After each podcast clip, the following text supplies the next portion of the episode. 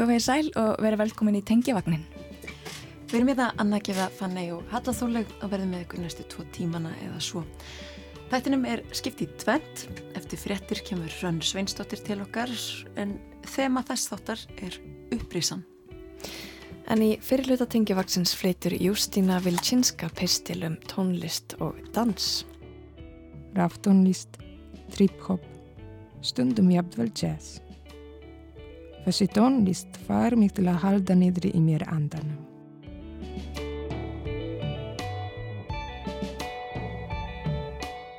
Karna Sigurðardóttir og Hrafnhildur Gunnarsdóttir heimsækja þáttinn og segja frá Skjaldborgarháttíðinni sem fyrir fram um vestunumannahelgina. Ég held að við séum bara að horfa á að kvikmyndagerð á Íslandi sé að eflast mjög rætt og öruglega og heimildamöndagerð þar með.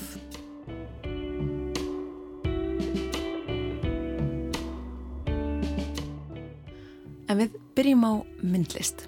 Stella Önnudóttir Sigurgeistóttir heimsóttir hljóðstofu fyrir í dag en hún sínir málverk sín á mokka um þessa myndir.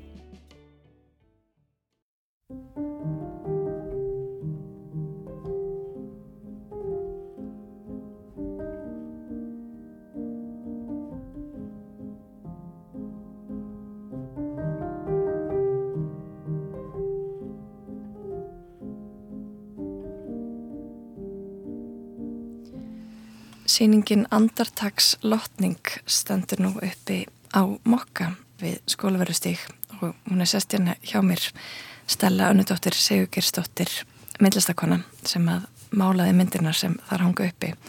Þetta eru myndir af blómum um, og ekki blómum í fullum blóma, heldur rörnandi blómum Stella. Þetta er svona óvannileg nálgun á blóm. Já, þetta er svona já, þetta er svona kannski það sem maður tekur ekki helst eftir af því að öll viljum vera bara einhvern veginn upp á okkur besta mm. en mér, mér langiði að fanga eitthvað sem að svona, var í ferðið að lúta höfði og, og hörna og setja það í þennan gilda silvulega búning sko. Svona upphafja um, já, upphafja eitthvað annað skeið heldur en verið vöna upphafja Já, ég reyna að vera að því að sko, mér fannst sko mikil fegur í því að, að fylgjast með einhverju hrörna mm. og hvernig það umbreytist og missir lit og, og kræklast og þotnar. Sko ég persónulega, við má skjóta sjálfur mér inn hérna, mér finnst alltaf svolítið flókið að fá afskorum blóm af því mér finnst eitthvað erfitt við að, að fylgjast með þeim vissna á degja á stofuborðinu mínu en það er kannski líka bara maður getur hortið að öðruvísi bara í rauninni þetta er náttúrulega þetta er ferli sem við förum allir gegnum og, eh, og það þarf ekki að vera eitthvað vond eða ljótt eða ræðilegt það getur líka bara verið einmitt eins og þú segir eitthvað steg e, já, mismundi steg sem að, sem að kannski má alveg upphefja. Já, mér finnst, mér finnst mikil fegur í því að þú veist að fylgjast með einhverju umbreytast á þannan hátt. Mm. og blóm sérstaklega náttúrulega þau hverfa ekkert alveg þau þurfa náttúrulega bara alveg að þotna upp og, verða dufti. En þau eru alltaf eitthvað mm. og saminast náttúrulega öllu. En já það er þetta að því að þú hefur enga stjórn á þessari hrörnum mm. svo misjaflega hröð og eins sko hvernig þú fölnar í lit finnst það líka útrúlega fallet Mér sko þess að myndir minna jáfnvel meira á sko portréttmyndir einmitt út af þessum vingli maður fyrir strax að hugsa um einmitt öldrun okkar öldrun, þetta fer svona beint inn í kannski okkar viðkvæmustu bletti. Já, já og, og, og það er alveg skýrskotin í það. Þó þessu blóm þá er þetta einhvern veginn ákveðin upphafning á rörnun alls. Að því öll stöndum við vonandi framifyrði að því öll viljum við vera eldri og gömul og fá að lifa lífinu Þetta er svona mótsögnin sem að margir kannast við. Við viljum öll eldast en, en enginn vill vera gamal. Nei, einmitt, einmitt. Svona einhver, einhver viðkvæmni. En við höfum aðeins verið að tala um hérna í tengjavagnum um, styrkleikan í viðkvæmninni. Að vera, eh, svona sagt, um, styrkleikan í að vera brótættur. Þetta er eitthvað svona mótsögn sem er samt eitthvað svo skýr þegar maður horfist í auðvið hana. Já, líka að því að þetta er alltaf verkefni í lífinu. Og við varum nú, sko ekki beisin ef við fengjum ekki verkefni í lífinu. Þannig að þú veist, við náttúrulega bara þroskunst og, og sjáum hlutina með öðrum augum. Að við lendum í einhverju eða þú veist, við erum náttúrulega breysk og mannleg. Akkurat, og, og þessi blóm eru svona að vissna og þau eru að umbreytast. Það er náttúrulega líka hluti af þessu öllu saman svo verður það að mold og, og, og hverfæni ringrásina aftur. Þetta er umbreyting Akkurat. lífsins. Já, akkurat Þú sagði mér áður en við settum upptökunar stað að, að kveikjan kannski svona ómeðvitað eða meðvitað hafi kannski einhver leiti verið þín umbreyting. Þú varst fyrir áfalli fyrir nokkrum árum sem að kannski koma einhverja stað innra með þér. Já, þetta var svona, sko, svona eftir áhyggja, þetta var ekki mjög með þetta, en eftir áhyggja þá fór ég að leita í þetta, semst verð fyrir slísi fyrir þrejum árum og missi svona svolítið hérna minn karakter og mína getu til þess að vera bara þegn í þessu samfélagi.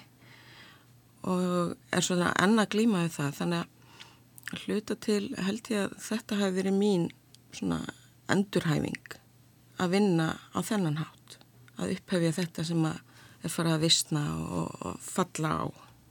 Hvernig upplifur það sem, sem endurhæfingu? Getur reynda leið okkur inn í þá tilfinningu? Já, þetta var náttúrulega alls ekki meðvitað að fara að leita að, að þessum fölnuðu blómum eða eitthvað sem greipi mig.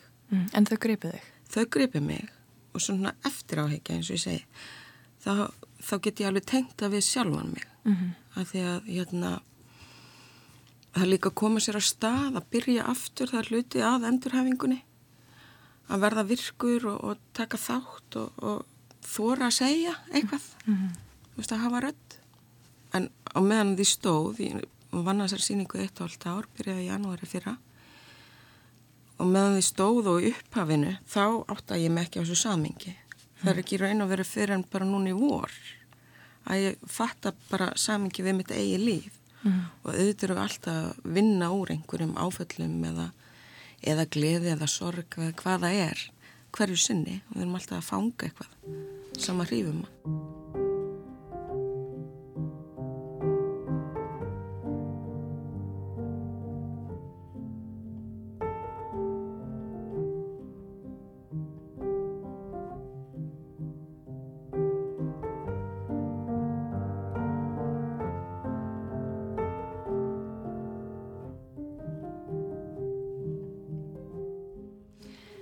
en eftirkost styrsins fyrir þig persónulega, hvað afleggingar hafði það bara í þínu lífi?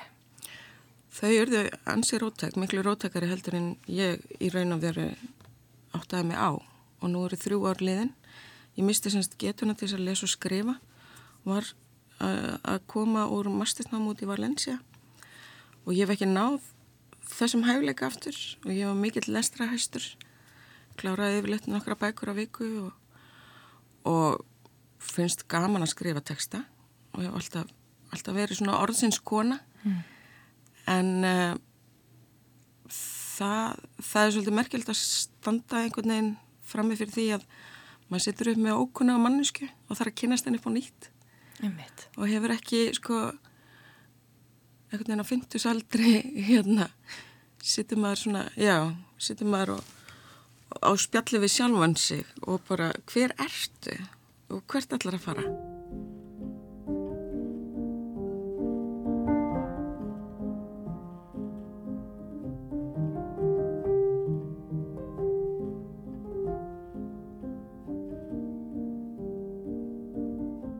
Ég var mikill lestur að hestur. Þetta er svona skilgrinningar sem maður hefur um sjálfa sig. Maður er spurður ótal sinnum bara gegnum árin. Hver er þín áhuga mál stanslust verið að, að, að byggja mannum að skilgrina sjálfa sig. Og, og, svo, og hvað gerast þá þegar að, að maður missir einhvern hæfileika sem hefur skilgrind mann? Mm -hmm. en þú varst samt í myndlist áður en að slísi varð. Já, ég var semst að ég semst að var í mastisnám út í Valencia og var það skiptinemi en var í hönnunnáman upp í listaháskóla í masternum. Mm. og semst valdi það að fara þarna út sem var dásanlegt tækifæri að þið sagt, kynntist nýjum efnum, var að steipa í brons og, og vinna í, í tré sem að ég hafði bara aldrei síðan og vissi ekki að væri til, sem heitir Purple Heart. En núna fer ég úr áslega svona þungum efnum og svona mikið macho sko, yfir í þetta fingirða mm. og ég er semst að þessi síning uppstendur af vasslitamyndum á tré og bladagull og semst kvítagull, bladagull og silfur. Mm. þannig að ég fer í raun og veru alveg úr þessu gróa yfir þetta fína fína sem líka er ákveðin áskorun fyrir mig að vinna í sko höndunum og gefa þessi bóð frá heilunum til útlimanna. Já, ok, það er alveg bara það er uh, áskorun. Þetta er, þetta er, ykkur, þetta er erfitt fyrir þig. Já, að því að sko sumar fínræfingar eru ekki til staðar eins og voru. Mm. Og líka þrekið er svo hérna lítið mm. þannig að það er svona ég er ekki þessi mikla kvartvísa og þrekmikla kona sem ég var afkastin, já ekki eins afkasta mikil bara og varst fyrir Alls ekki, bara örfáum sko. árum Nei, og ég í raun og veru sko, ég þarf að hlaða mig alltaf sofa svona cirka 18-20 tíma eins og nýju viku til þess að hlaða og mm. bara fá kvild í heilan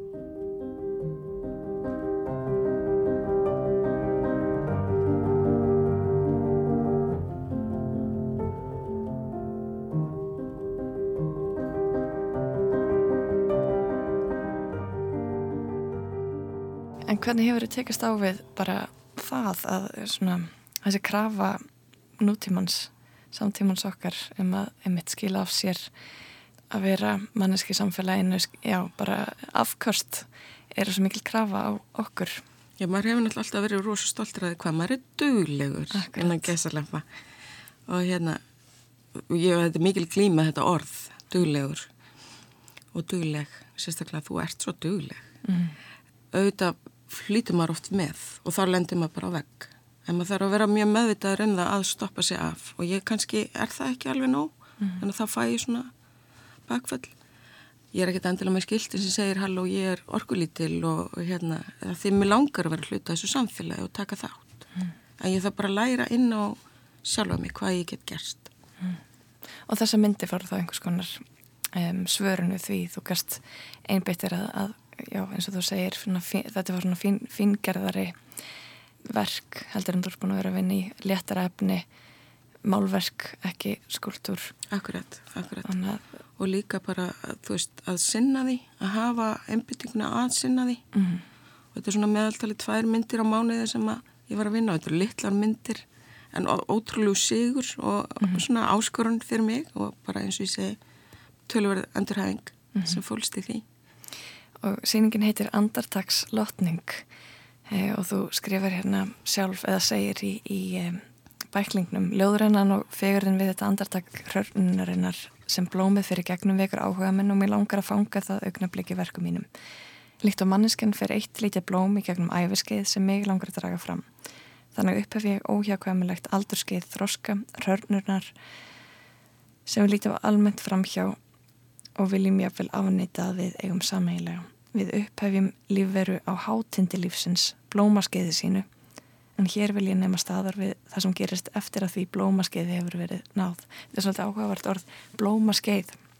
Þetta er náttúrulega óhjákamlega blóm sem vart að, eh, mála þrátt verið að, að þetta blómaskeið sé eitthvað allt annað. Akkurat, það er þetta samingi, við erum alltaf, við erum alltaf að reyna að ná okkar eigin blómaskeiði. Mm og svo er áhugavert að taka bara þetta orð út af fyrir sig og einhvern veginn að mála blómið mm -hmm. af því mhm. skeið blómsins er náttúrulega miklu lengra heldur en það sem við viljum akkurat horfa fram í framann í það sem við viljum ramma inn og ekki på vekk akkurat þetta er, um, þetta er virkilega falleg verk hjá þér Stella og, og svona áhrifarík um, skýrskotin í einmitt þetta rörnunarskeið sem við kannski erum gjörn á að, að afnýta Mm, til, ham, til hamningum með síninguna og við kvetjum með þetta hlustendur til þess að fara og sjá hana.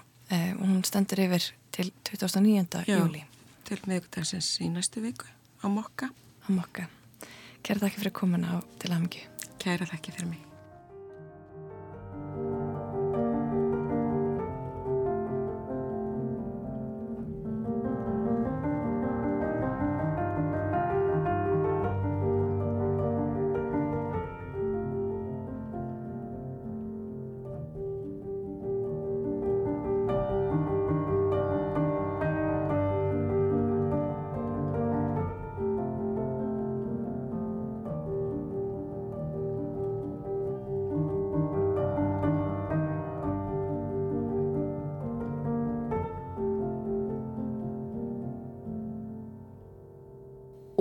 myndlist höldum við yfir í tónlist. Uh, Justína Vilčinska flyttur nú pistil en hún vil meina að Íslandingar séu stífari á tónleikum en aðrar þjóðir. Allir að þurfa að dansa, allavega stundum. Dansa til að hreinsa út tilfinningar eða dansa til að finna aftur gleðina. Hér á Íslandi er algengt að dansa eins og halvvitið og það sé banna að vera fáviti eins og allir vita. Svo getur maður dansa innra með sér og varðla hreift líkamann, þannig að maður fær ekki titilinn partidýrið á dansgólfinu. Það má dansa fanga til maður nær ekki lengur andanum eða til þess að finna lausnir á lífsinsgátum. Það má dansa rólega í nýða mörkri eða kröftugt í björtunni þegar sólinn er ekki enn sest. Og öðugt. Dans er meldingar vegur sálarinnar að mínu mati. Þá mætti spyrja hvers konar nútíma tónlist fær okkur til að dansa. Þá rufjast upp fyrir mér allir tónleikarnir sem hafa snert mig á mismunandi hátt en orðu til þess að ég fordaðist að dansa við lifandi tónlist. Á Íslandi fannst mér Menningin allt öðruvísi þegar kemur að virkri þáttöku í tónleikum og tilfinningatjáningu, samanbarið við það sem ég var alveg upp við. Svo fannst mér allt í einu ekki eðlilegt að tjá viðbrökt minn við tónlist með hreyfingu.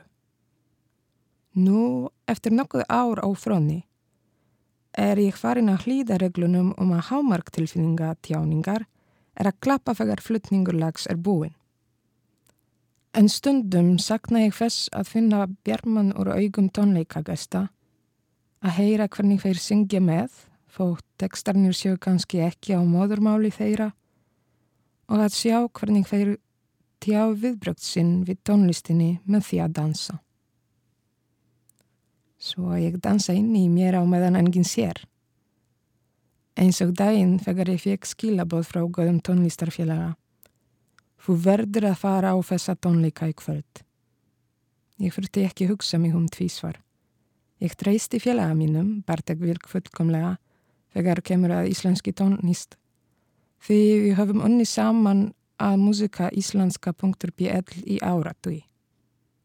Þess vegna fór ég þetta kvöld af stað í ovissuferð og lendi á útgáfu tónleika MC, sem sagt M-C-E-A þar sem hún kynnti blötuna Hiding Under Things.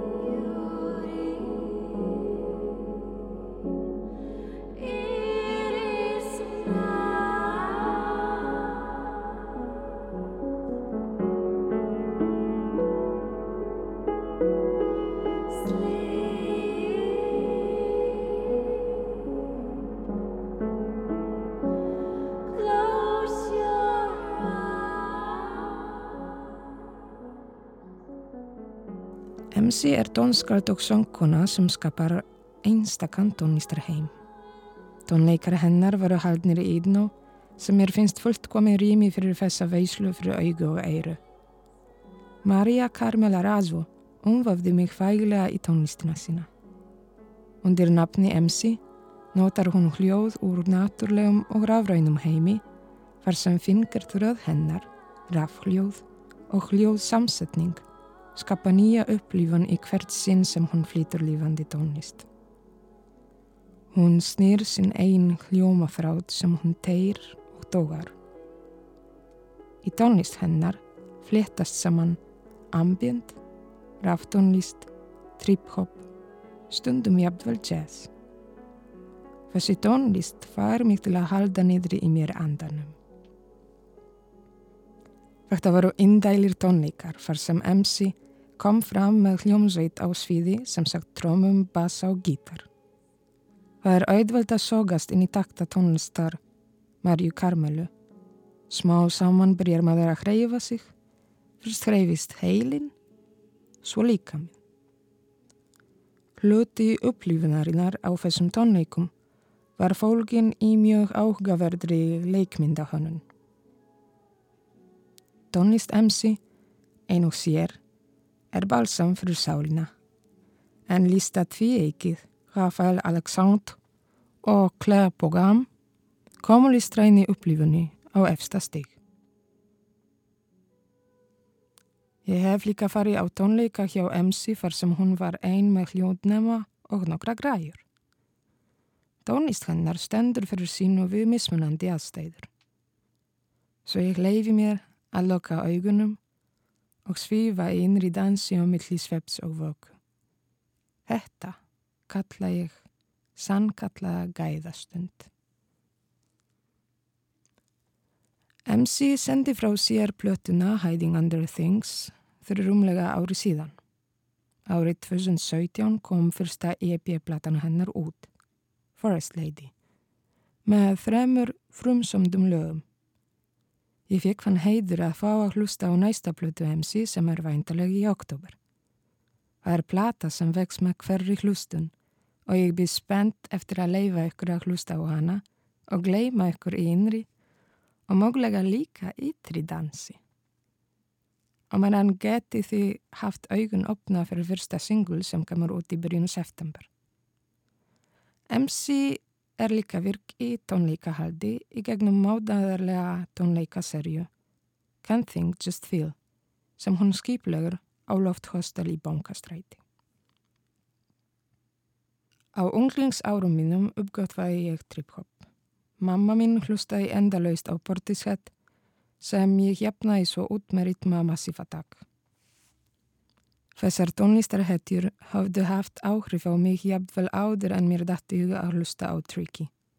Tónlist hans kynntist ég í gegnum Björg þegar ég var ennþá yngri en 18 ára.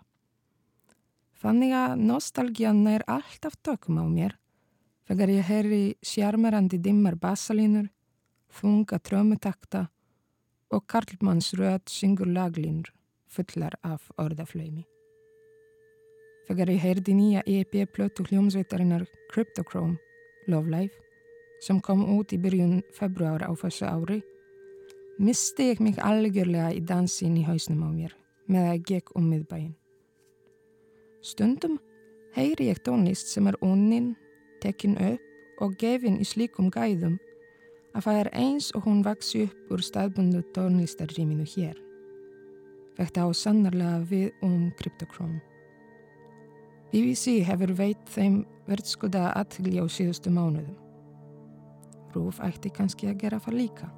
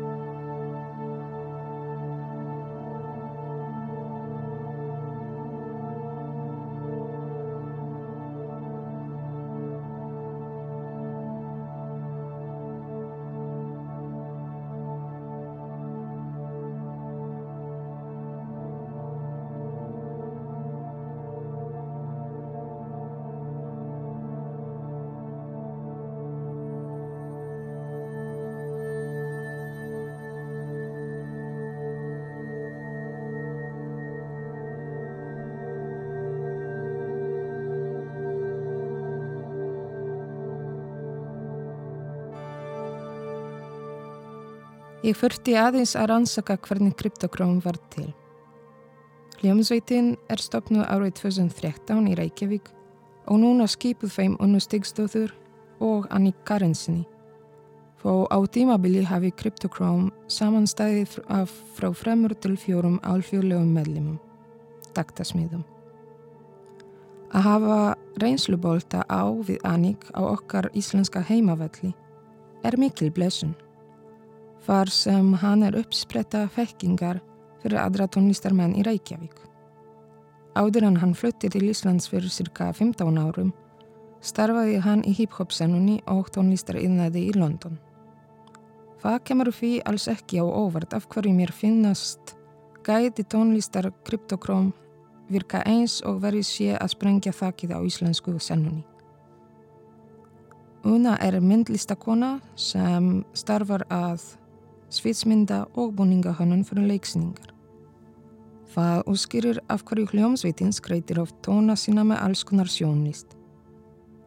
Eftir útgáðu fyrstu plötunar, Cryptochrome, árið 2013 kom önnur platta þeirra 2017 sem bara heitið More Human. Samhlýða henni kom frá þeim eitt myndband á mánuði í heilt ár. Áhugavert verkefni til að skoða og það bara í rúman hálf tíma. Það eru víslega gimsteinar hér á hefðbundnu sennunni. Bæði MC og Cryptochrome vaksa úr íslenskum jarðveik og með íslenskum tónlistarmönnum um borð. En það má ekki gleymast að þessi hljómafegurd gæti ekki skinnið, snert eða hreyft við hlustendum á fannan hátt Ef ekki væri fyrir fjölbreyta reynslu þessara einstaklinga í tónlistarleifinu utan Íslands og fjölbreytt tónlistar uppbeldi þeirra. Skapandi tónlistarfólk frá öllum heimsinshornum eins og Marja Karmuða eða Annik valdi sér Ísland sem heimsinn og hefur nýtt svakalega langar tímar vetrarnætur til að semja tónlist fyrir sálar og líkamsdansin, minn og þinn. Og mér finnst það forréttindi að hafa mágleika að nýta hæfileika þeirra og bæta þeim ofan á gröskumiklan íslenskan grunn. Sæði Jústína Vilčinska, en við heyrum meira frá henni eftir tvær vikur. En áður við höldum áfram þá ætlum við að hlusta á eitt lag. Þetta er lagið Know That You Know með Patrick Watson að flutu hans frá 2015 Love Songs for Robots eða ástarlög fyrir vélmenni.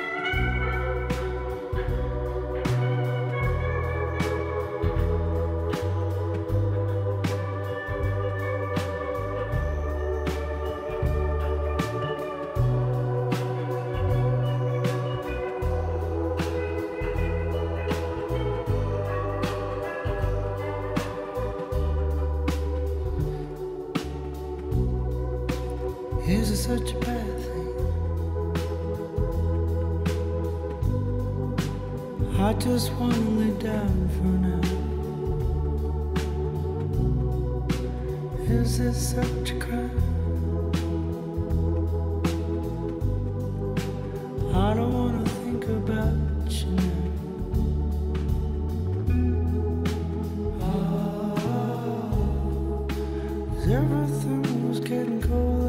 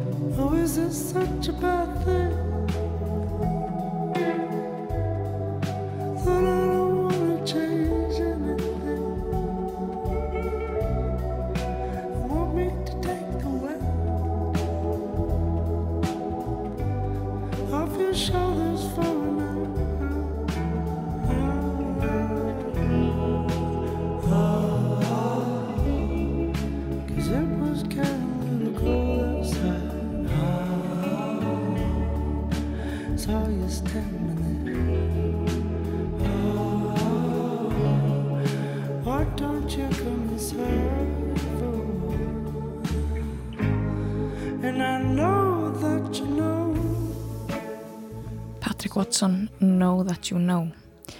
En heimildamindir hafa verið aldrei deglunni hjá okkur í tengjafagninu. Við heldum áfram á þeirri braut. Anna Gíða fekk skjaldborgarkonur til sín í hljóðstofu fyrir dag.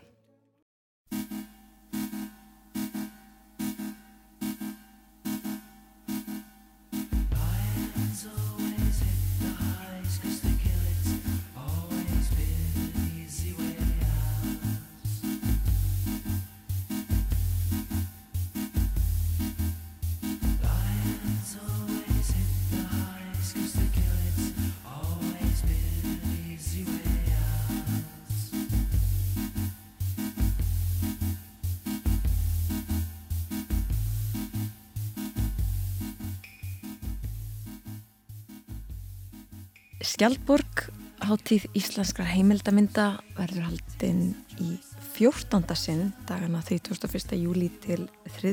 ágúst og að vanda á Patreksfyrði. Á Skjaldborg eru síndar heimildamindir sem að annars kemur varðla fyrir augu almennings.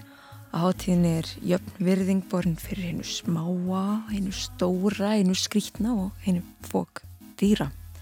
Þetta er því gerðan einhvers konar bíóbræðingsveisla þar sem áhörundu fá að sjá allt frá örmyndum til kvikmynda í fullir lengt.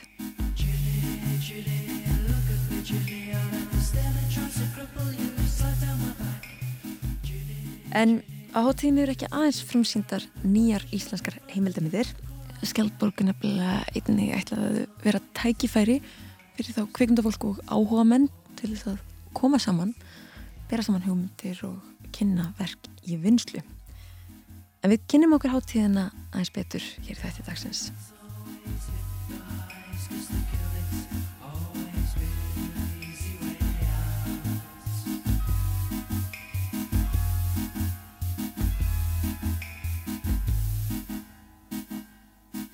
Ég heiti Karna Siguradóttir og ég er heimildamindahöfundur og í verkefnastjórn Skjaldborgar.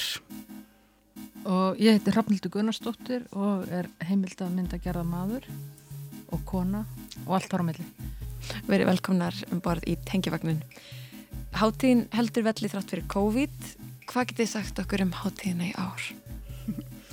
Ég get alltaf sagt það að það er ekkit sérstaklega auðvelt að skipulegja háttíð á þessum tímum. En uh, það er bara okkur það mikilvægt að halda þessa háttíð. Skjaldborg er náttúrulega háttíð íslenskar heimildamynda og, en hefur í gegnum árin að þá hefur henni bæði verið hérna, fremsýning heimildaminda og, og heiðisgestur og, og góð bíódagskrá en svo er líka svona skemmtidagskrá sem er alltaf verið mjög stór hluti af hátíðinni. Og uh, við kannski sjáum það í ár þegar okkur er svona sé, og sniðin svolítið hérna, lítill stakkur í partíhaldi að þá sjáum við hvað hátíðin stendur sem heimildamyndahátíð og það er alveg mjög ánægilegt og bara virkilega styrkjandi fyrir íslenska heimildamyndagerðamenn. Við lækjum bara upp úr því að það sé góðstemming og að við eigum góðar samverðstundir en partíi verður náttúrulega búið klokkan 11 þannig við förum bara að lögum og, og fylgjum þeim reglum sem okkur er settar en það verður gott partí samt En uh, er það rétt hjá mér að það var að það bárust mitt fjöldu umsókna í ár? Já, við fengum sko hátt í 40 umsóknir í ár og það er bara algjört mitt og það náttúrulega sínir bara fram á grósku í eða sínir okkur að það er gróska í íslenskri heimildamindagerð og bara virkilega ánægilegt en það náttúrulega er alveg svona fær maður til að hugsa hvort að það þurfa eins að svona hugsa útferðslu hátíðarinnar upp á nýtt ef að þetta heldur svona áfram því að við erum bara með það mikið að góða efni og, og það er þetta líka erfitt að, að velja að hafna. En hvernig stendur á þessari grósku haldi? Já, það kemur mér reyndar alveg mjög óvart vegna þess að eh, hérna, mér hefur þótt vera eh, svona mjög hægt og streymi að fjármagni undanfarin ár, eða sem sagt síðustlega tvö ár inn í heimildamynda gerðina á Íslandi.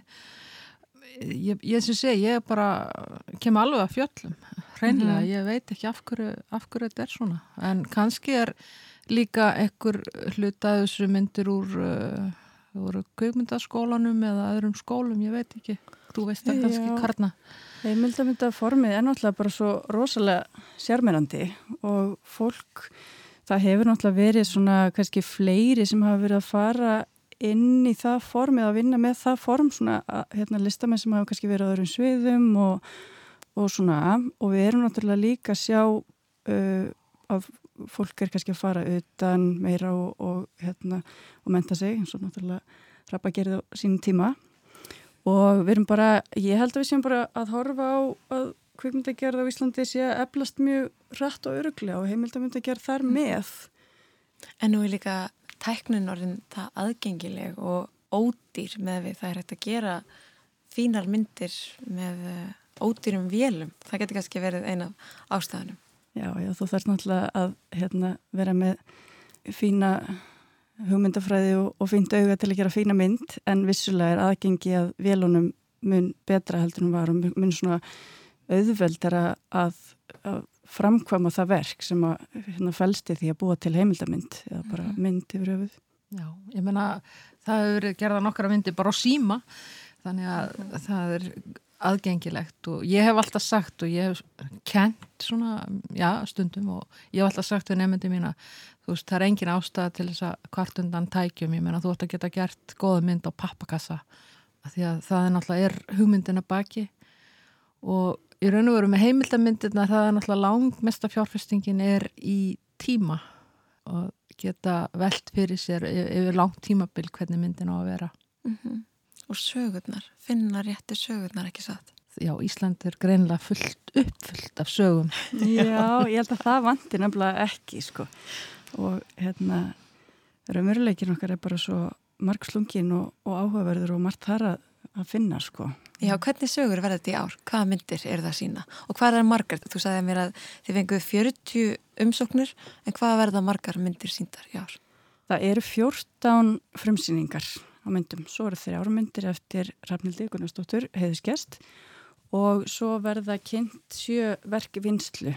Og það er líka hluti á dagskroni að hérna að fólk sem er með verki vinslu getur komið og, og kynnt verkin og fengið svo smá reyni og samtal.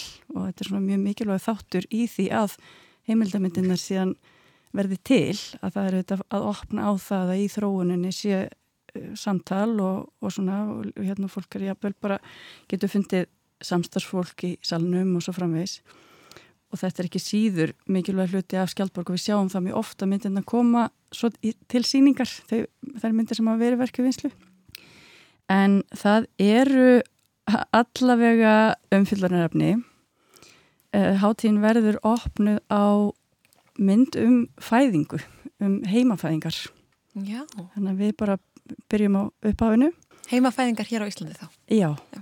og það er mynd eftir Dagmósi Stóttur og, og hérna Já, þannig að við byrjum á, á fæðingunni og svo er loka myndin Last and First Man, mynd eftir Jóhann Jóhansson heitinn eh, sem heitir Endológ upphafsins. Þannig að við erum að fara að spanna þarna allt frá fæðingu og út í eilíðina. Mm. Mm -hmm. Og þarna passa nú Korpus kamera vel með, það uh, Jóhann hann eh, komponeraði þá mynd fyrir mig og það var mjög gaman að vinna með honum þetta var í kringu 98 og hann var þá bara að byrja og var með aðstöðu í á Bræðraborgastíg í Kjallara herbyggi það voru svona ymsri eh, sem að byggu í herbygginu við hliðina og þú veist bæði svona fólk á hinnum endalífsins og, og hérna umflytundur og svona þar var, var hann norpandi að, að byrja ferilinn í uh, tónsmíðum fyrir kveikmyndir mm. Og er það þá mynd þín sem verður sínd á hátíðinni? Já, Korpskamera, hún verður sínd það mm. er verk frá 99 Já. Þú ert heiðursgestur hátíðarnar í ár samildur. Hvað þýðir það að vera heiðursgestur? Og hvernig líður þið með þetta? Já, ekki það að ég sé að fara að setja stingun helgan stein en ég var bara mjög undrandi og, og reygin þegar að þau ringdu og báðum um að vera heiðursgest um, ég held að það hljóta að vera ég náttúrulega hef verið náttúrulega lengi að starfa í heimildamindagerð, þetta eru orðin 30 ár. Ég, og ég er samt bara, þú veist, rómlega 50 en uh, Uh, ég náttúrulega var að klára svona hálgjert magnum opus í þáttaseríunu minni Svona fólk og það hlýtur að vera allavega ekki margi sem hafa 127 árum í að búa til heimilda þáttaseríu eða heimildamind þannig að það hlýtur að vera eina ástæðan þess að þau fóru þess að leit við mig að að koma og vera heiðuskestur. Já, það er náttúrulega eitt af því mörgur sem að Rafnildur hefur að bera sem heimildamynda manneskja er þessi þólinnmæði sem að er svo mikil kjarni og leikil í því að gera heimildamynd. Þannig að það er mjög svona virðingavert og fyrir okkur bara sem þjóð að fá þessa þætti vetur svona fólk heim í stofu er bara virkilega mikil sverði að hún hafi ekki gefst upp á nefnstára leðinni En hvernig er það, Rafnildur, ertu alltaf með mörg játn í eldinum, ertu ég menna já, þú vannst þess að þætti á 27 árum. Ertu með fleiri svona hugmyndir í gangi?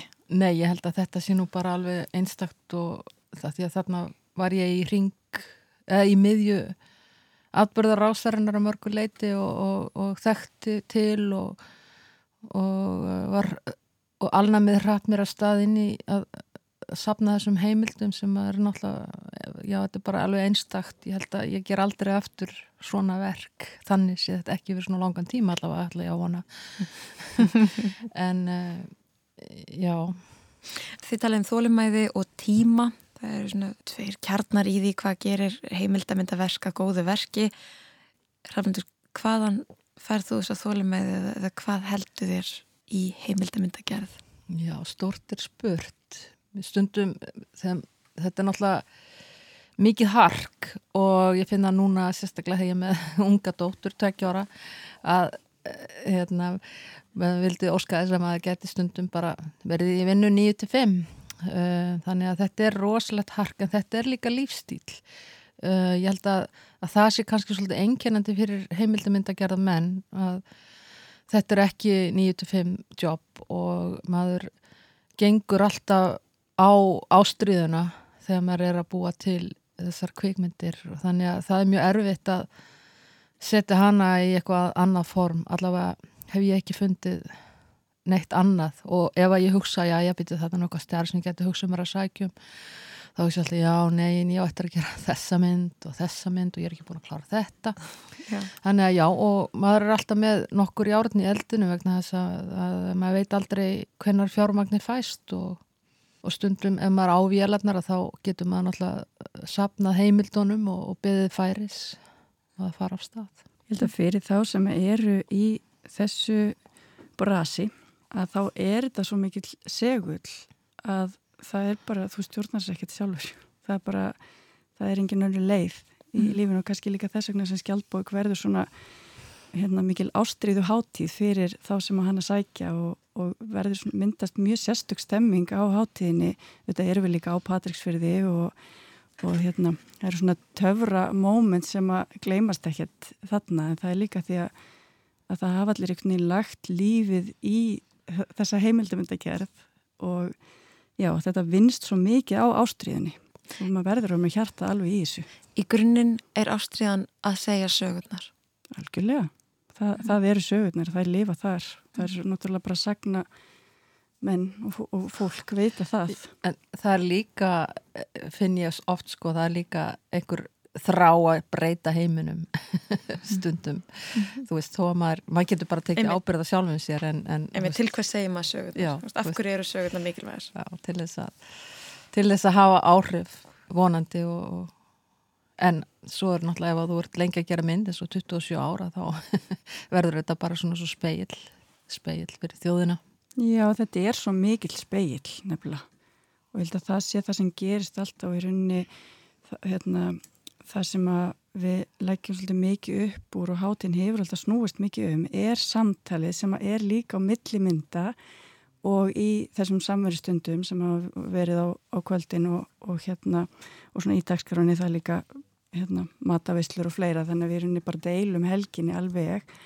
Og það er þetta að sko, eitt af fallegasta sem hún getur gert fyrir listamann er að eh, hérna, setja fullan fókus á verk hans eða hennar og rýna það síðan. Og þessi gaggrínu og þetta samtal sem á sér stað þarna á milli það er svo mikil umhyggja sem fælst í þessu og það er svo mikil speiklun. Og allt í heimildamindin er svo, hérna, formið er svo mikil speill og svo einhvern veginn í samtalinu þá verður svo, þetta verður svo rosalega svona um, svona persónulegt og, og, og þétt einhvern veginn.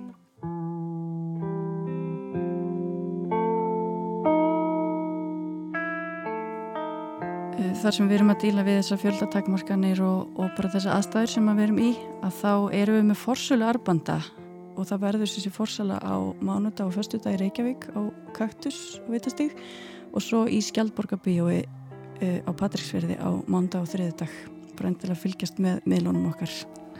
Ég segi bara takk kærlega fyrir komuna í tengivagnin og njótiði skjaldborgarhelgarnar. Takk fyrir. Takk to me. I'll pour the water if you bring the tree. Nothing looks that real to me. I only see two or three colors. What's it like to breathe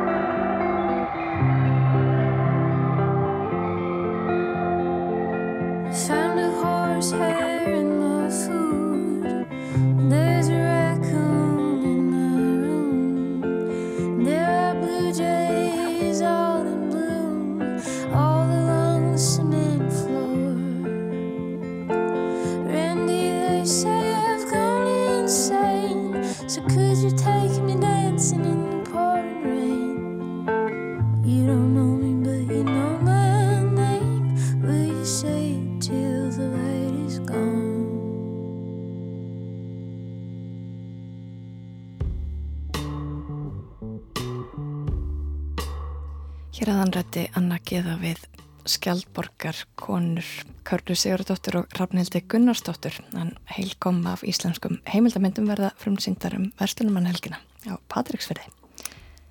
Við látum staðanumið í þessum hluta tengjavaksins. Við verðum hér aftur eftir fréttir uh, þá með Rönn Svensdóttur.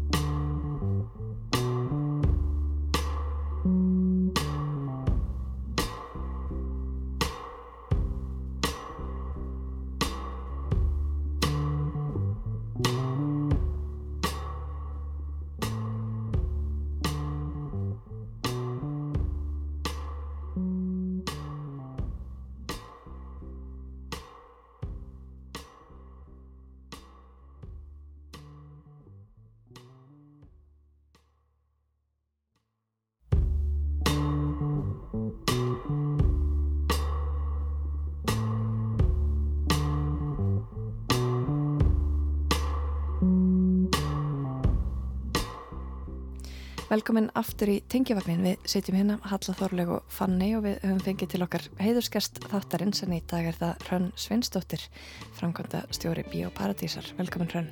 Takk. Og þú valdir þema dagsins, upprisan. Getur þú sagt okkur aðeins hvernig þetta þema kom til því?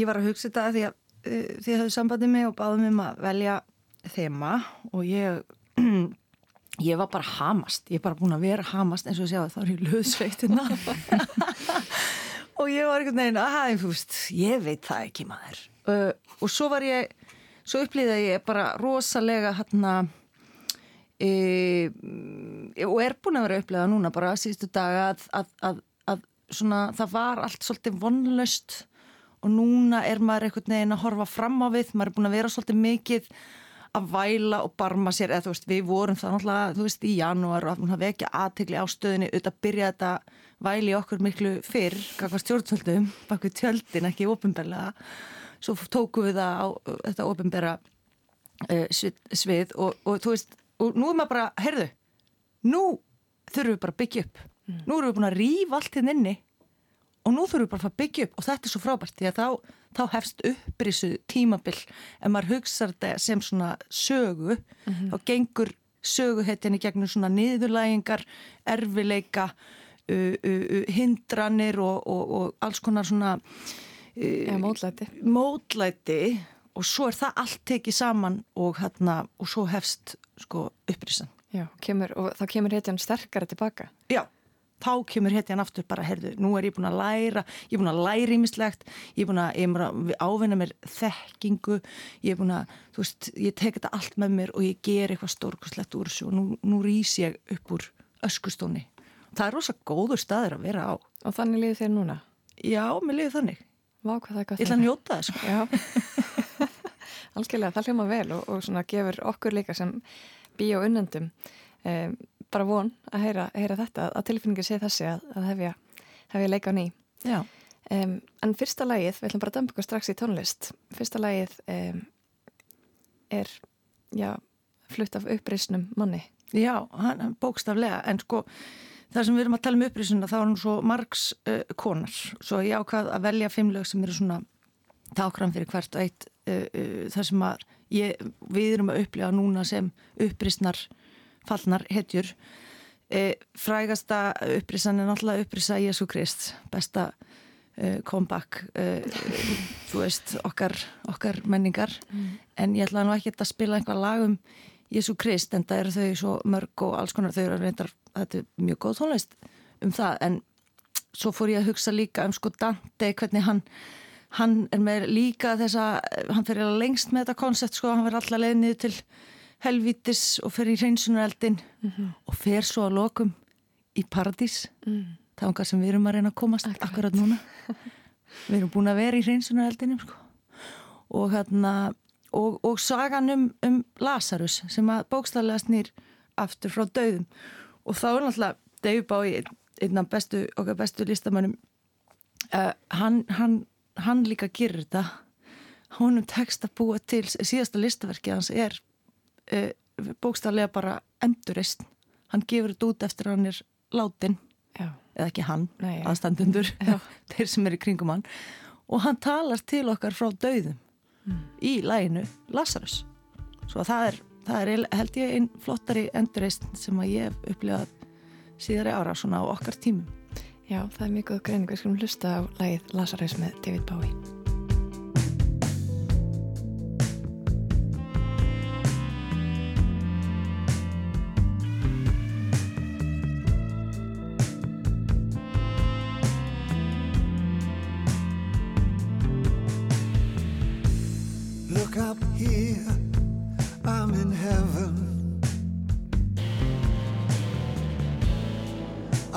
got scars that can't be seen. I've got drama, can't be stolen. Everybody knows me now.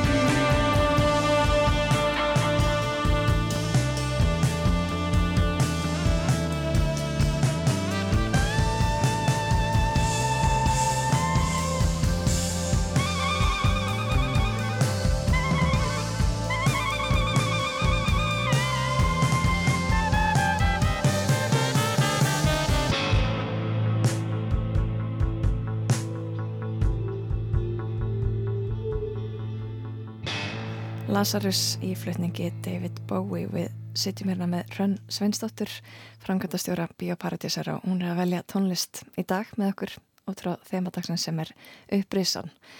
Hrönn, þú varst að segja okkur að þú helst á yngra árum að David Bowie væri fjölskyldumöðlumur Já, þetta var svo skemmtilegt, ég var nefnilega, ég er svo heppin að eiga sýstur sem er 13 árum eldri.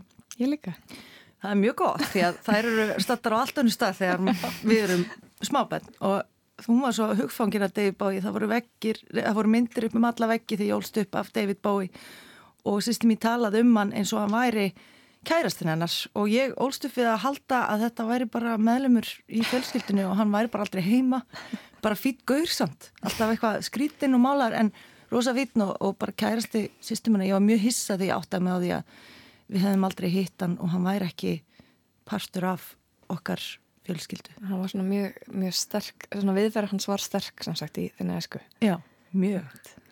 Um, við vorum aðeins að tala um Bíóparadís að þú uppljóstraðir því að, að tilfinningin væri góð við liði eins og þið verða að koma aftur úr eldinum, svolítið, hreinsunar eldinum. Um, hvernig er staðan í dag? Hún er bara hún er þannig auðvitað hafði ég náttúrulega mikinn tíma í þessu í þessum COVID faraldri til þess að þarna reyna að undibúa mögulega rendurbætur og við gerðum, við gerðum alls konar plön og við vorum alltaf að gera uh, ný og ný plön. Svona, segjum að við náum að klára þetta í uh, april, ha, þá getum við gert svona svona svona. Og svo breytist þessi plön, ég var komin út í sko áallu nummer uh, 7-8 því að þetta var einhvern veginn dróst alltaf á langin og aldrei gáttu við byrjað að átt okkur á því hvað við gætum gert fyrir hausti, við, við vissum alltaf við erum á opnum hausti ef að þessu yrði. Mm. Svo klárast þetta ekki fyrir hérna í lok, jú, nei byrjun júli þá er náttúrulega sumarið í rauninni hálnað ef maður allar að fara út í framkantir og það er búið að vera svolítið hlasar á okkur núna að átt okkur á bara hvað getum við gert á þessum tíma sem kallar ekki á uh, stórkostlegar teikningar sem þarf að skilja inn til byggingafulltrúa og svo framvegist. Því að það eru náttúrulega alls konar málafnar sem krefjast svolítið svona flókinsferðlis eins og til dæmis aðgengi fallara. Það þarf uh, svo mikla verkfræði kunnóttin í það að, og, og teikningar og samþykki að ég, ég næði því ekki. En við náum þó að gera ímislegt og það, þannig erum við búin að vera að vesenast mm. í miklum hasar að, að koma hérna, við ætlum að bæta uh, myndgæðin ætlum að kaupa nýtjöld inn í salina og það þarf að panta þetta allt með margra vikna fyrirvara svo að við erum búin að vera hérna í miklu aði og, og nýja síningavelin í sal 1 og velin sem er í sal 1 fyrir niður í 2 svo það verður verða miklu betri myndgæði í þeim sölum. Í rauninni er salur 3 bara fítnir svo hann er, við erum búin að laga hljóði þar inni með nýjum magnurum eða við gerðum upp magnara, notabenni eða hvað var það sætin þá eru við að taka þau í gegn alveg meiri háttar yfirhalning sem að við komum staðið að vera skinsanlegasta lausnin frekar hann að kaupa ný. Mm. og, og, og svo eru við að taka andrið í gegn og málaðu utan og, og bara svona gera það sem við getum gert á þessum tíma. En auðvitað grýpur framkvæmdagleðin mann. Þegar við rifum barinn þá var ég bara uh, ok, en nú er sári í gólfinu nú er þetta, heyrðu það eru flýsar já. þú veist, þið vitið þegar maður byrjar eitt, eitt leðir aðru svolítið. Já, þá er þetta allt inn á orðið svona nú, heyrðu, nú þurfum við múrara. Hvað ætlum við að gera við gólfið? Og svona, þetta er skemmtilegt. Já, einmitt, þetta er svona vandamál sem margir kannast við. Eitthvað er orðið rosa fínt og þá séum maður byrja þetta var fínt áðan en nú lítur þetta ekki vel út. Já, við erum ennþá að rífa niður og átt okkur á já, eitt, svo þegar við erum búin að rífa þetta loft þá auðvitað vissum við það, það því myndi fylgja alls konar vandamál en mm -hmm. þetta er svona milljústundum eins og ég sé stödd í hérna myndinni Money Pit, hann að munið eftir þessar 70's bíómyndum unga pari sem gerir púsið ég fekk í maðan þegar ég var fimmar og sá hana bara hvað mikið öður við erum þar núna og við erum að vinna með takmarka tíma og takmarka fjármagn mm. svo það má segja að ég sé bara á mínum í mínu komfortzóni núna því að þannig hefur þetta alltaf verið. Já, er það að vísa bara í sögu bioparadísir? Já. Já. Einmitt, það var svona smá barsla komusu af stað. Já, já, þetta verður alltaf verið þarna, mikil þarna, baróta og svona, en svo hefur náttúrulega, og, og, ofta á tíðum, í, fyrstu, á mínu fyrstu árum í biopartís var þetta náttúrulega bara eins og einhver, einhver þarna, e, svona horror, gaman, drama, svona slapstick eitthvað, rugg því að maður var alveg bara, nei, nú er þetta grínast sko, það er ég búin að leysa þetta vandamál en þá var bara ennþá stærra vandamál. Þetta var ofta nei sko. En um, En munurinn í dag er kannski samt sá að, að í dag ert allan með fullt, fullt af fólki sem skilur mikilvægi þessa menningarhús. Já, þá var maður alltaf að mjög ofta að tala fyrir döfu meirum og biopartís var með mjög takmarkan uh, hóp sem sótti bíóið og var svona að berjast í bökkum bara við að sanna tilveru rétt sinn. Mm Það, munurinn hér er, þú veist, auðvitað er ég enþá að vinna undir svona erfiðum kringustæðum og svona, en, en tilfinningin er allt önnur því að þú veist, það er stuðningur en allt annars, uh, hann er allt öðruvísi, hann kemur úr öllum áttum við erum öll saman og bæði líka sko yfirvöld og allir í kringum hann hafa uh, viðkenda að þetta er við, við skiljum það sem þeir eru að gera og við viljum þetta Mhm. svo að þú veist, það, að í því uh, skynni, þú veist, þess vegna valdi ég upprisuna því að nú er þetta svona nú erum við, jújú jú, þetta verður, þetta, þetta á áaldrei að vera auðvelt og auðvitað erum við í smá svona hasa núna með það en það er líka bara er á að vera þannig Einmitt og það er kannski svona mótlæti sem margir þekkja fjár, fjárskortur, það eru ýmsastofninu sem glíma við það eh, en þetta skilningsleysi sem að eh, þú lístir hana áðan eh, en nú, nú segir að, að sem sagt nú veit fólk hvað er að gera mm en hvað er það að gera? Getur þú sagt okkur það í útvarpið? Varandi húsnæðið? Nei, bara varandi hvað er biopartís, hvaða mál skiptir svona hús? Já, heyrðu, já, já, auðvitað, það er nú erfitt að segja það í stuttumáli. Það sem að hinn kvikmyndahúsin gera ekki, við sínum kvikmyndir hvaðan æfa úr, úr öllum heimsóknum. Við sínum alþjóðlegar veluna kvikmyndir sem annars kæmu aldrei hér í bíó, dæmis myndið ekki sjá vinnismyndina úr kann eða Berlinale eh, ef ekki væri fyrir biopartís og þær myndi ekki eins og vera gefnar út á Íslandi. Um, við sínum ykkur kvikmynda menningu annara landa. Við sækjum náttúrulega mikið í skandinaviska myndir svona myndir frá uh, okkar svona nærlegjandi þjóðum en líka langt frá langt af við sínum heimildamindir íslenskar uh, sem annars kemist ekki að í öðrum kvikmyndahúsum og við sínum líka erlenda kvik, uh, heimildamindir við sínum klassískar kvikmyndir sem hafa ekki sést lengi á kvítatjaldinu og alls konar köldmyndir undir svörstum sunnudöfum og svo erum við með partísýningar alls konar uh, fyrir fólk sem að vil bara skemta sér í bíó og hafa gaman yfir uppáhaldsmyndinni sinni. Við erum líka með uh, einu, fyrstu og einu kveikmynda læsiskennsluna fyrir börn og úlinga á landinu. Við erum búin að gera það síðan 2011 og við tökum á móti 8.000 grunnskólabönnum á hverju ári og, og 3.000 framhaldsskólanemum og sínum þeim líkilverk kveikmyndasögunar og líka bara vinnum með að, að kenna fólki að lesa myndmála því að þið kannski hafið tikið eftir því að börn lesa mun minna í dag en horfa því meira á myndefni. Og ef þú kannt ekki lesa myndmál þá skilur ekki fjölmiðla, staðalímyndir og, og alls konar áráður sem er haldið aðmanni í gegnum myndmál svo að þetta er að verða eitt svona af því mikilvægara sem fólk, ungt fólk og börn þurfa að tilenga sér í dag er að lesa lesa milli línana Einmitt, hvernig hlutir eru settið fram Gaggrinn hugsun á, á myndir sem byrtast okkur. Já, Um, en þú valdir fleiri lög uh, og næsta lag er, já ég get allan að segja svona ákveð trúarstef líka í því lagi, um, Moving on Up. Já, það er sko þannig að eins og ég var að tala um þessi upprýsa er svo oft þarna, tengd einhverju trúalegu og þar er þarna, gospel tónlistin svo góð í að túlka sko þessa veljiðuna tilfinningu sem að fylgir því að finna Jésu en okkar sko upprýsa getur svo oft verið á svona persónlegum toga, þú veist, við finnum fyrir þessari tilfinningu þegar við sigrumst á alvarlegum erfileikum uh, sigrust á fíkn eða þunglindi eða, eða bara náum að ganga upp fjall eða, eða bara uh, náum einhverju takmarki sem við hefum sett okkur. Og hérna, þá, þá, þá fyllust við þessari veljiðin sko að við séum, við séum ósýrandi og við séum núna komin við erum komin þangað sem við ætlum okkur að komast svo lengi og það er svo, það er svo góð tilfinning.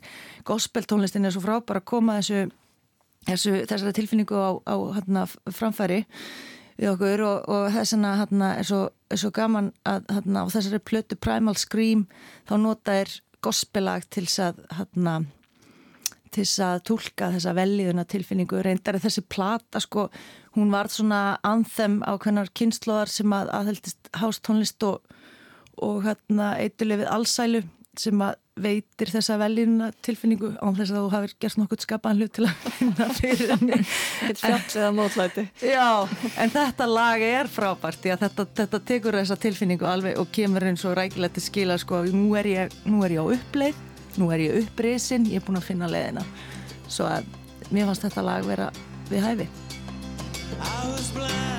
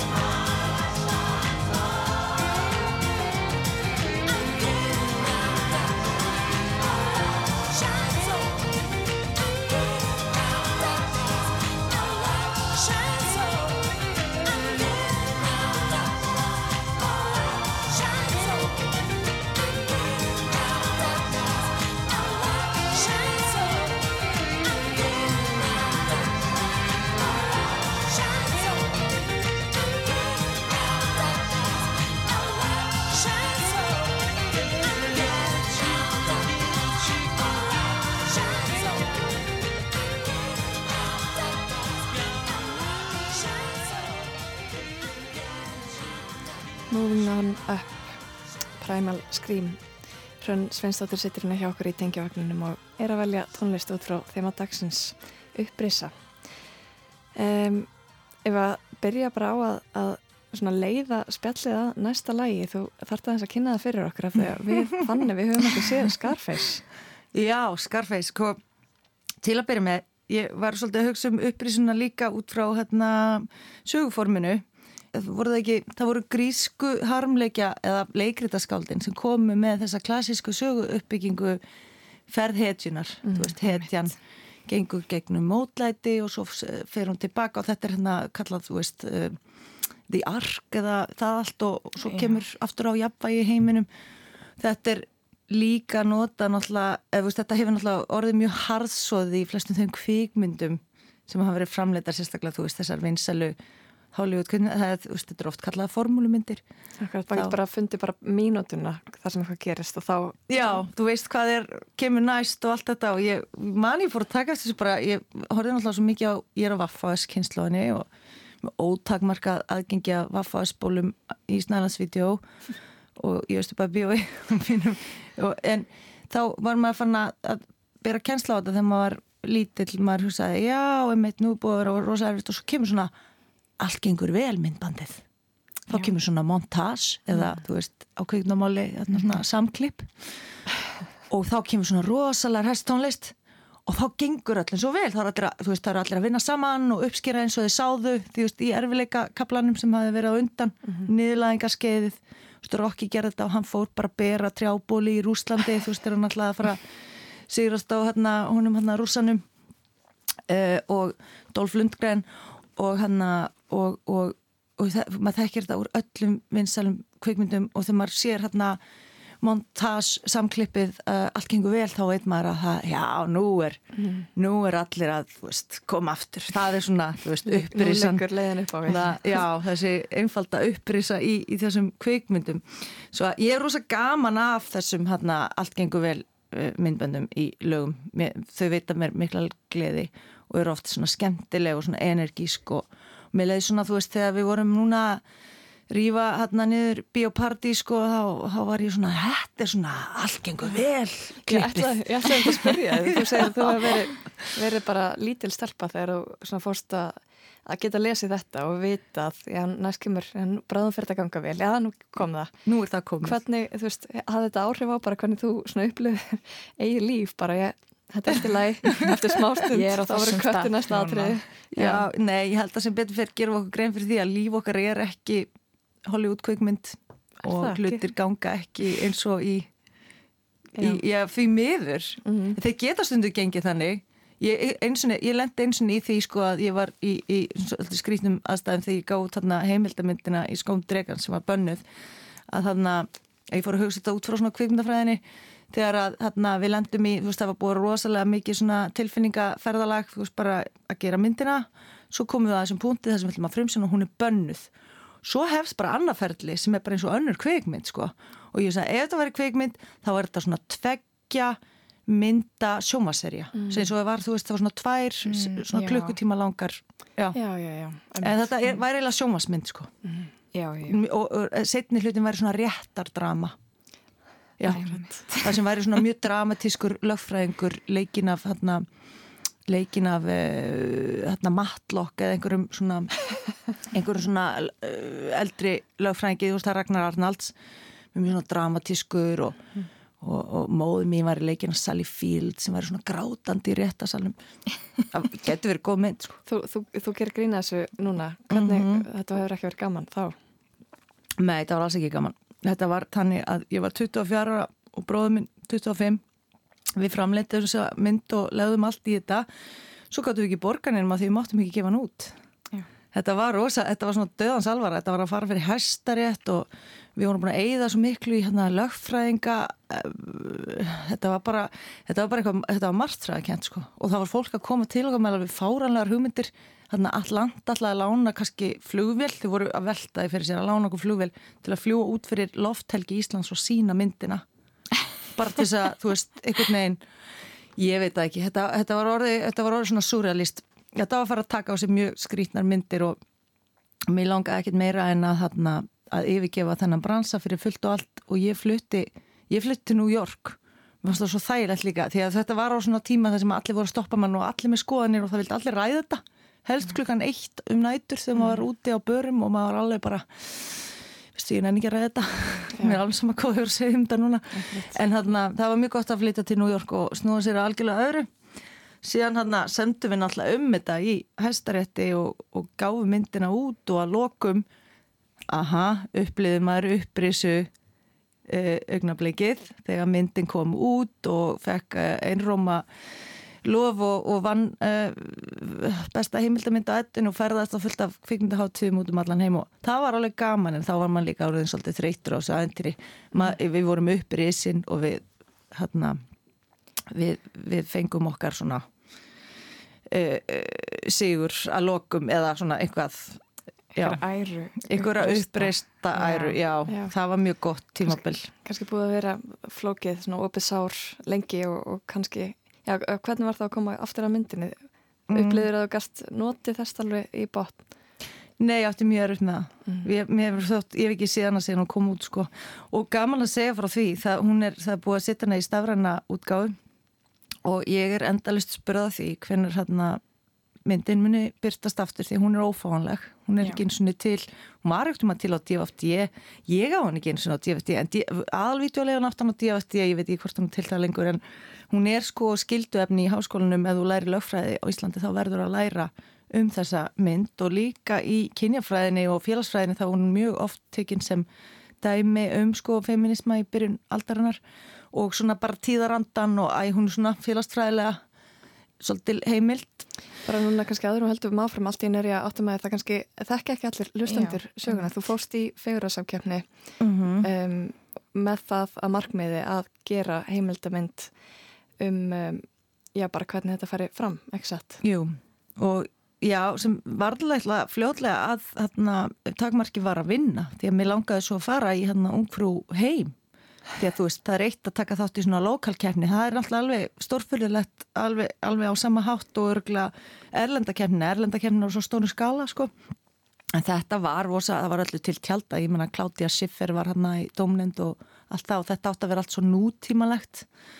Auðvitað fór þetta náttúrulega allt bara í Var þetta ný keppni á, á Já, hún hétt .is og fjallaði um það að útlitt eh, stúlknana myndi gilda jafn mikið og, og þeirra persónuleiki svona frum ég, ég man ekki hvernig þeir orðið þetta mann átti að hafa svona eitthvað eitthvað metnað og mér fannst það eiginlega bara verra heldur en þú veist gamla gamla hérna greipakefnin þar sem að var bara útlitt og okkur er alveg sama hvernig þú veist þegar að tapa því að persónleikin er, er ekki nógu góður það er eiginlega verra sko. Já, bara nei, veistu, okkur fannst þú bara ekki okkur fannst þú bara ömuleg Bara þú ert alveg sætt en þú ert ekki góð eh, svona, góða bundur, Já. stundum er yfirhalningin ekkert, ekkert betri.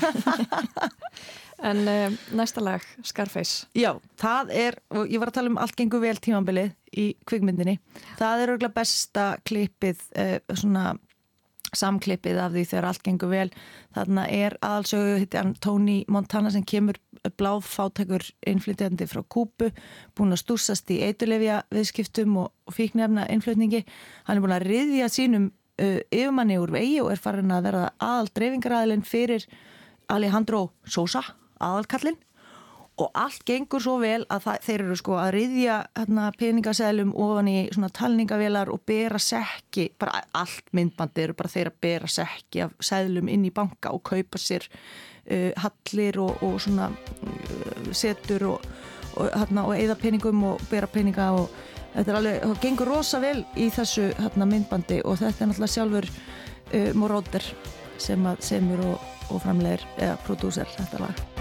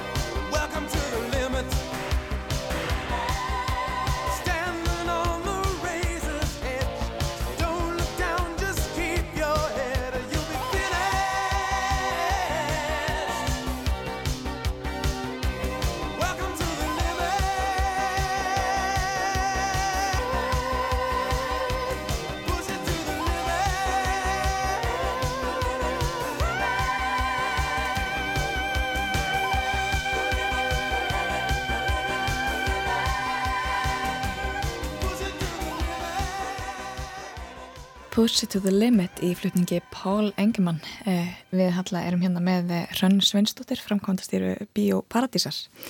Eh, þú valdir þetta lag út frá þemanu Upprisan, þetta lag úr, úr myndinni Scarface. Við halla hérna, rættum það á þann að hvori okkar hefur séð þessa mynd. Ræðilegt að viðkynna þetta. Þetta er eiginlega, já, þetta er eiginlega skelvilegt. Er þetta, er þetta mynd sem að við eigum að skammast okkar fyrir að hafa ekki séð? Já, enginn alltaf skamma sín fyrir að hafa ekki séð neitt sko, en, en auðvitað þessi myndir, hún er bráðskemmtileg.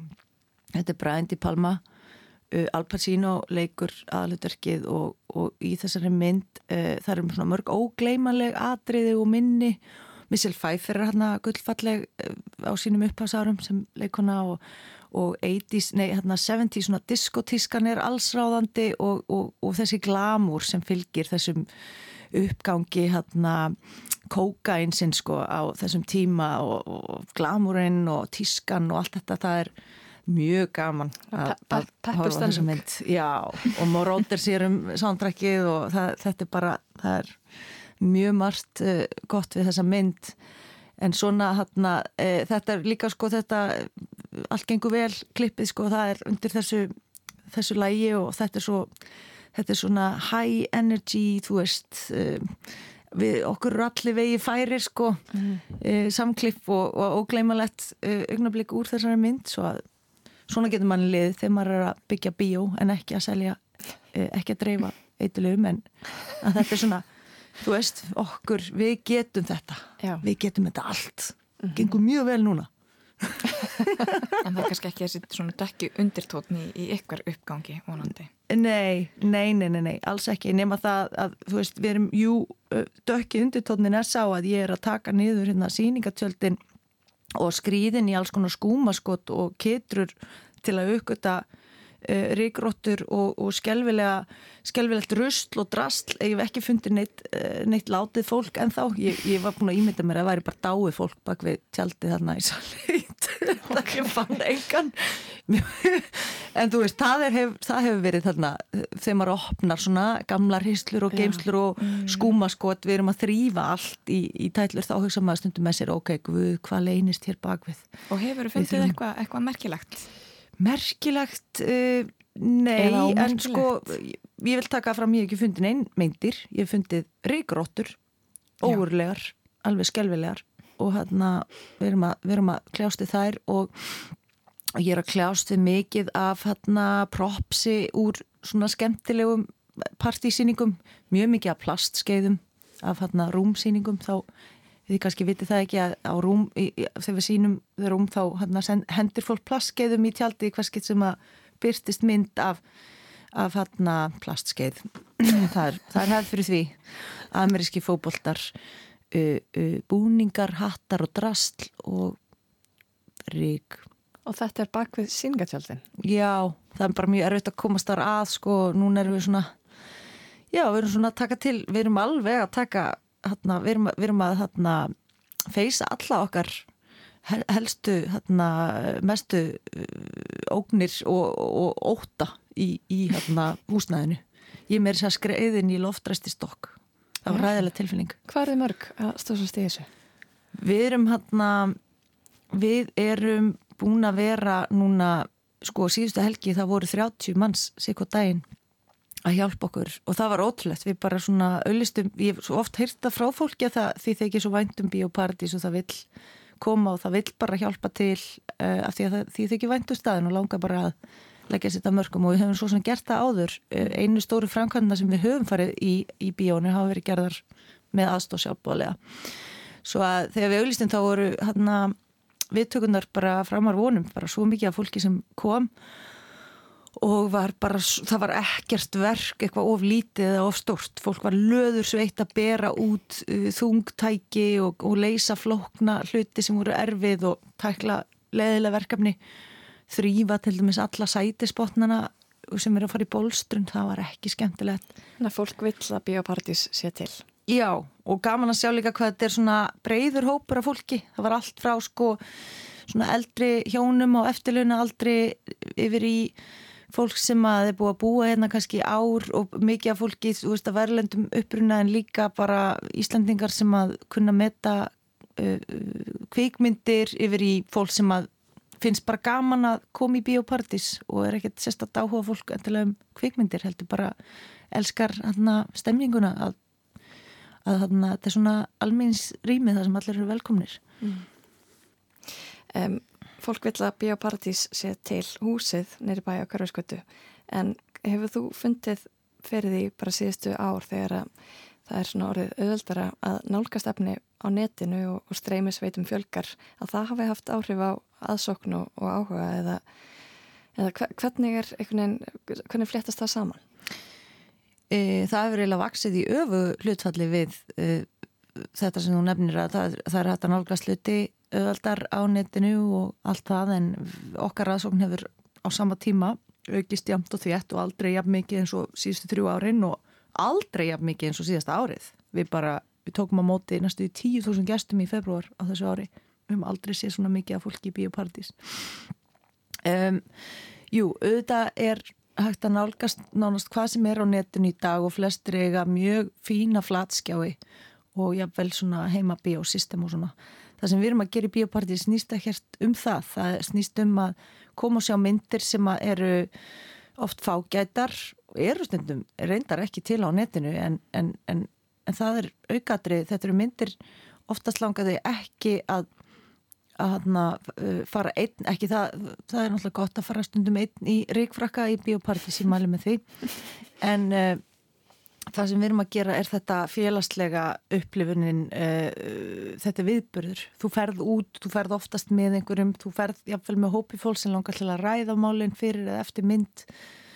Uh, eða sko það geta allir hort á Dirty Dancing heima hjá sér en þú gerir það ekki í sal fullum að brjáluðum aðdáðendum að þarna, þú veist að, að tala við tjaldið og æpa á móti og syngja með það er í rauninni og eins og með svarta sunnudaga líka, þú ert að hita fullt af fólki sem er að að, að, að upplifa sömu myndina með þér, svo ég, ég, ég óttast ekki að það sé meiri þarna möguleikar að, að, að, af menna, og sama hvað það er hvort það eru tölvuleikir eða íþróttir eða leikús eða annað.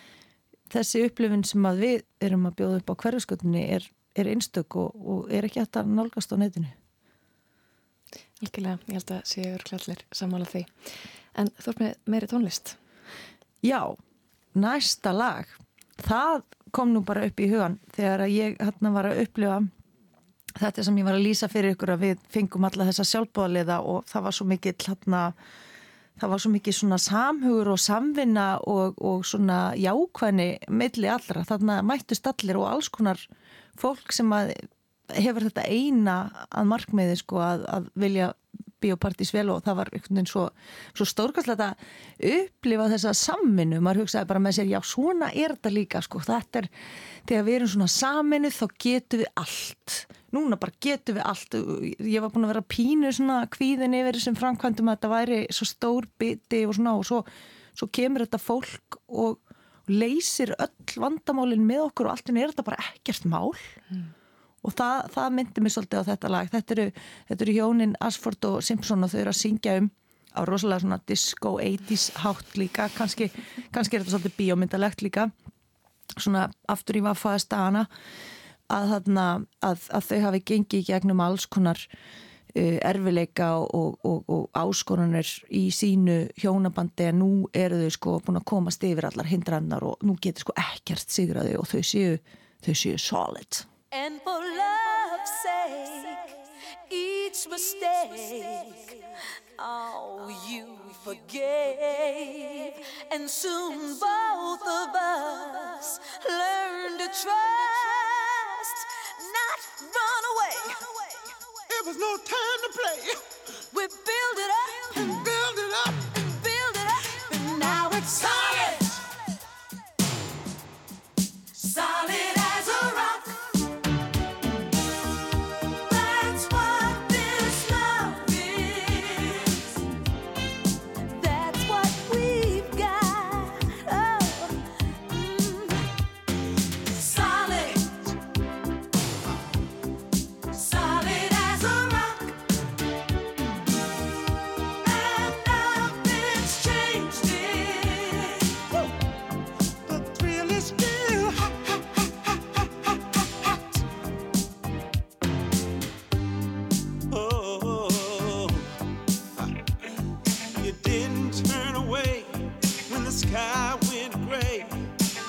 somehow we manage. We had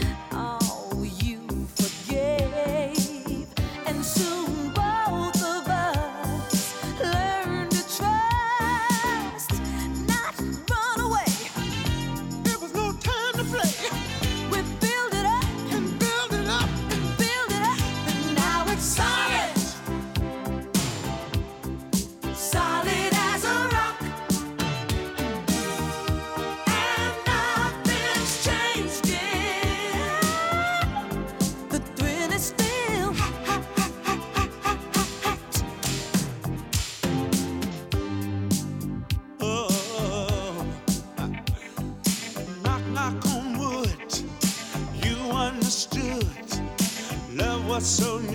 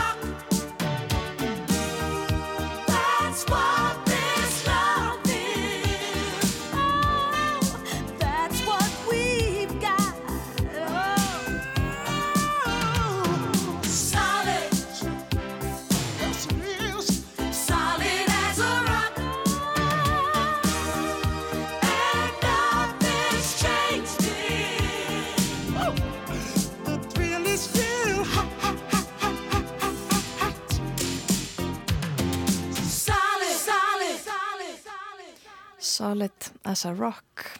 Þetta er lag með hjónunum Asford og Simpson. Hrönn Sveinsdóttir situr hérna með okkur í tengivagninum og er að tala um upprisuna og þetta lag kom til þín í framkvæmdum en þú ert líka í, í svona hjón og dúoi þeir eru í sumu stjætt þú og maðurinn eru bæðið svona kvikmynda tengt Já, það er, það er mjög skrítið. Aldrei hef mér dóttið það í hug þegar við hlutum hérna frá New York, við kynntumst þar. Ég fór í mína útlegð frá íslenskum kveikmyndabransa.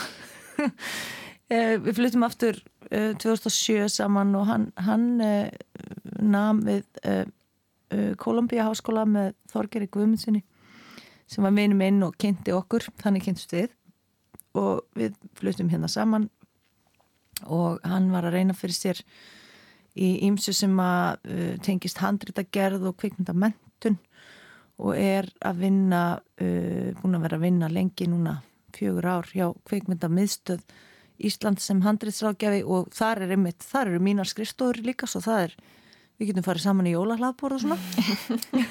Þó ég vinni ekki fyrir kvikmyndamiðstöð við bara deilum skrifstofu.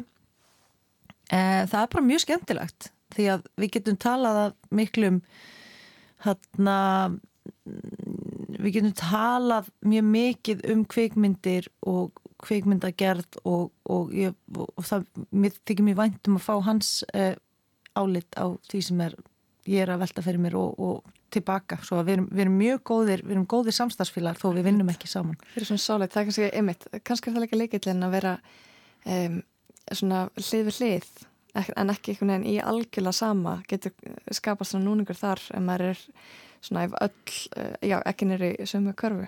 Já, Ok. við erum í sama bransa en við erum samt að sinna gjörólikum hlutum e- innan þess bransa. En við erum náttúrulega sjálfsögðu hérna, leitum við mikið til hvor annars, hvors annars með, með alls konar uh, hugmyndir og vandamál og annað. Og það er oftast minn svona besti ráðgjafi í þessum málum. Er maður minn.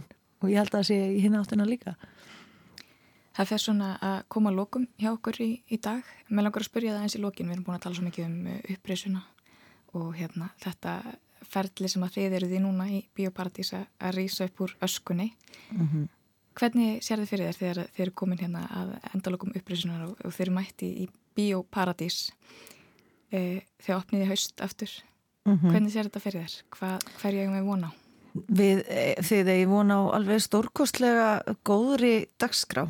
Það eru, við erum með fjöldanallana myndum sem við neytumst til að fresta sem eru allt saman frábærar myndir sem við ætlum að kynna og, og svo koma náttúrulega raðast inn myndirnar sem að verða á Skjaldborg. Það hafa aldrei verið jafnmargar heimildamindir í fullri lengt. Ég vona að þær flestar komi til okkar í Bíóparadís.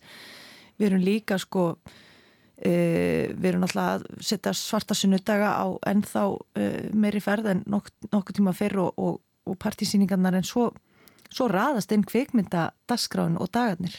Við erum, að, við erum að tala um að ekki bara riff heldur sko norrænu kvikmyndavelun Norrlandaráðs verða hjá okkur síningar tengdar eurósku kvikmyndavelunum uh, það verða rúsneskir kvikmyndadagar við erum að tala um japanskar klassískar myndir uh, indverjarnir vilja gera eitthvað og kynverjarnir líka og hann bara hrúast inn hann skemmtilegar hann skemmtilega dagskrá Hljómar sem hittir að fara að stakka við ykkur e, Nánast, ég, ég bara sé fyrir mér að þetta verði alveg stórkostlegt haust og mikil veisla framöndan og ég get ekki beðið eftir að opna, ég er náttúrulega búin að vera með partíið á heilanum síðan við skrifum eða gerðum samninga í í júli og, og ég, ég get lofað ykkur því að það verður, það verður rosalegt 11. september þið geymið, þið takið það, þann dag frá Við mætum.